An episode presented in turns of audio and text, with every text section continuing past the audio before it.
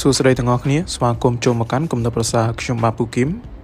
សម្រាប់ប្រធានបទនៅ EP នេះគឺ8មេរៀនដែលមនុស្សភាគច្រើនរៀនយឺតពេកនៅក្នុងជីវិត ដែលសរសេរឡើងដោយ Sinem Kunel ទី1មានអារម្មណ៍មិនស្រួលក៏មិនមែនមានន័យថាអ្នកនៅក្នុងកន្លែងខុសដែរបាទតើអ្នកទាំងអស់គ្នាធ្លាប់សម្រេចចិត្តខុសហើយស្ដាយក្រោយវាទេ បាទខ្ញុំជឿថាមានហើយច្រើនដងទៀត ការសម្រេចចិត្តគឺតែងតែត្រូវការពេលវេលាហើយនិងភាពក្លាហាន សម្រាប់ធ្វើហើយពេលខ្លះទៀតនៅពេលដែលយើងសម្រេចចិត្តហើយយើងនៅតែមានការសង្ស័យទៅលើជំរើសដែលយើងបានជ្រើសដែរបន្ទាប់ពីយើងសម្រេចចិត្តហើយយើងនឹងទទួលបាននូវមេរៀនមួយត្រង់ថាពេលខ្លះយើងអាចមានអារម្មណ៍មិនស្រួលឬក៏មានអារម្មណ៍មិនល្អក៏មិនប្រកាសថាយើងខុសដែរដោយការទទួលបាននៅអ្វីដែលអស្ចារ្យ គឺវាមិនដែលមកស្រួលទេ បាទមិនថាការងារគោលដៅរាងកាយសុខភាពល្អឬក៏ទំនាក់ទំនងអ្វីក៏ដោយ បាទវាតែងតែមាន ការពិបាកចូលរួម តែនៅចំបញ្ចប់ បាទអ្នកមិនអាចច្បាស់ថាការសម្រេចចិត្តនេះវាត្រូវ100%នៅក្នុងការសាកឬអត់ទេ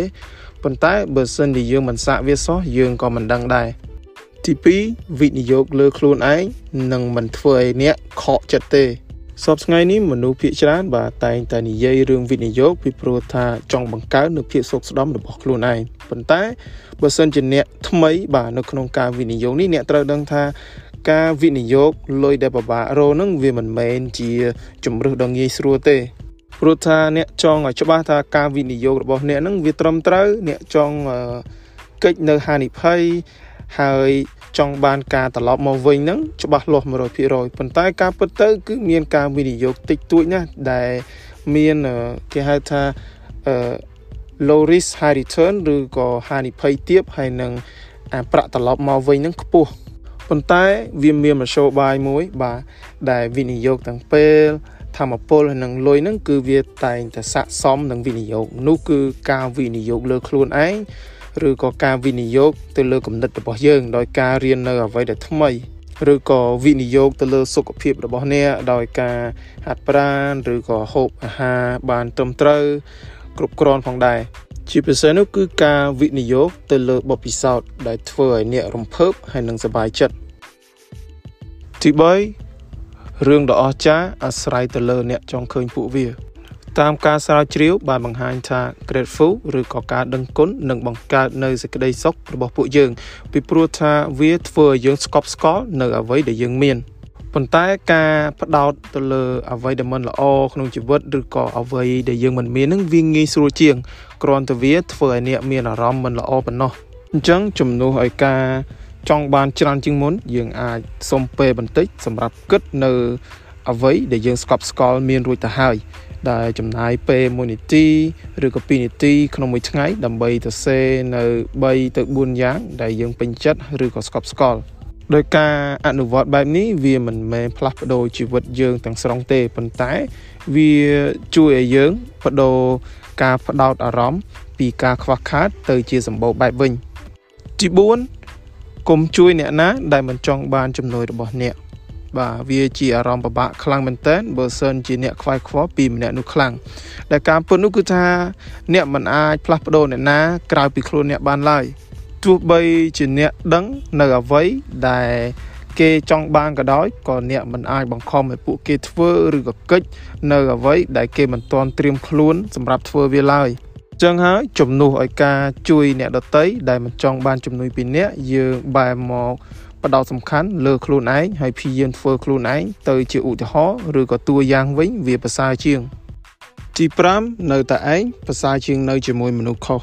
ដោយមនុស្សភាគច្រើនខ្លាចនឹងចំណាយពេលទៅឯងពីព្រោះថានៅពេលដែលគេនៅទៅឯងពួកគេតែងតែមានអារម្មណ៍ទៅភ័យខ្លាចហើយនឹងមានអារម្មណ៍មិនល្អឬក៏មិនសុវត្ថិភាព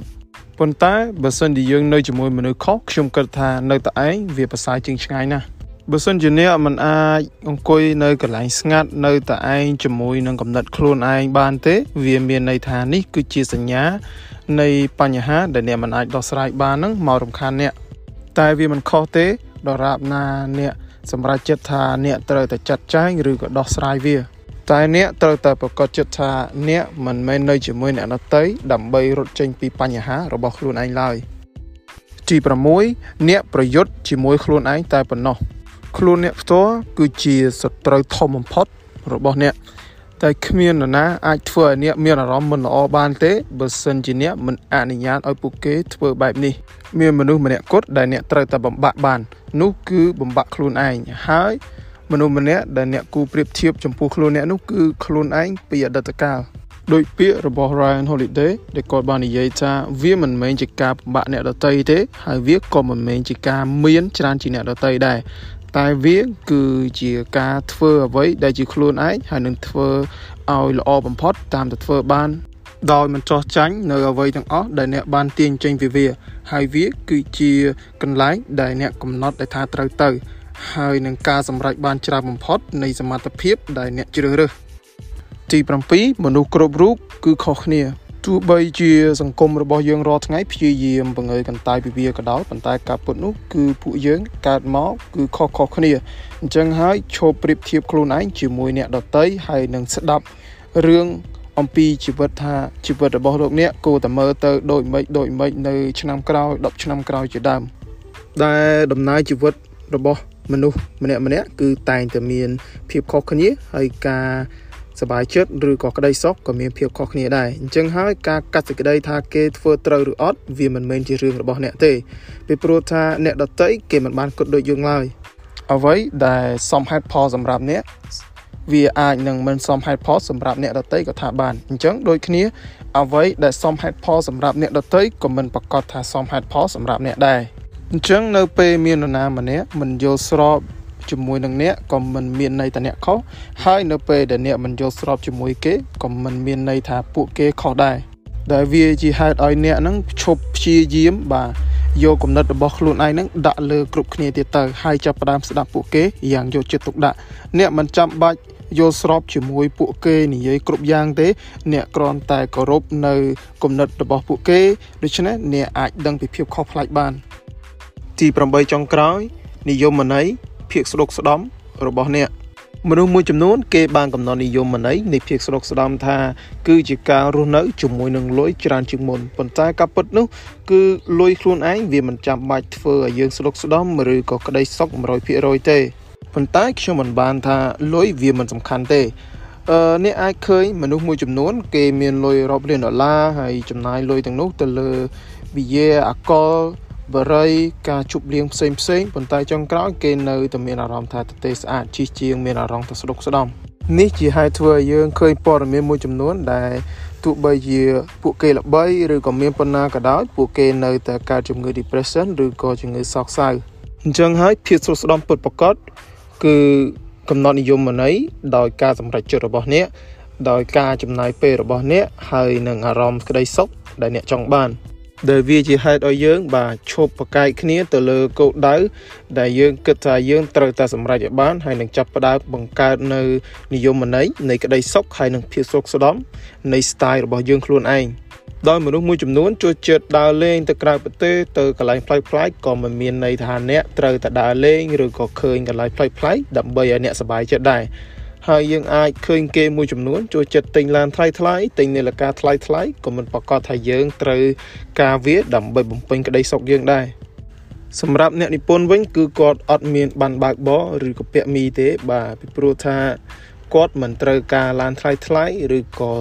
នាឡិកាទំនើបទំនើបដើម្បីមកបំពេញក្តីសុខគាត់ទេ ដែលនិយមន័យភាពសុខស្ដំរបស់គាត់គឺការសម្បូរទៅដោយពេលវេលាហើយនិងទំនាក់ទំនងនេះហើយគឺជានិយមន័យនៃភាពសុខស្ដំក្នុងជីវិតរបស់គាត់ចំណែកអ្នកទាំងអស់គ្នាវិញបាទអាចសួរខ្លួនឯងបានថាអ្វីទៅ ដែលជាភាពសុខស្ដំហើយនិងវិធីសាស្ត្រនៃការបង្កើតវានៅក្នុងជីវិតរបស់អ្នកទាំងអស់គ្នា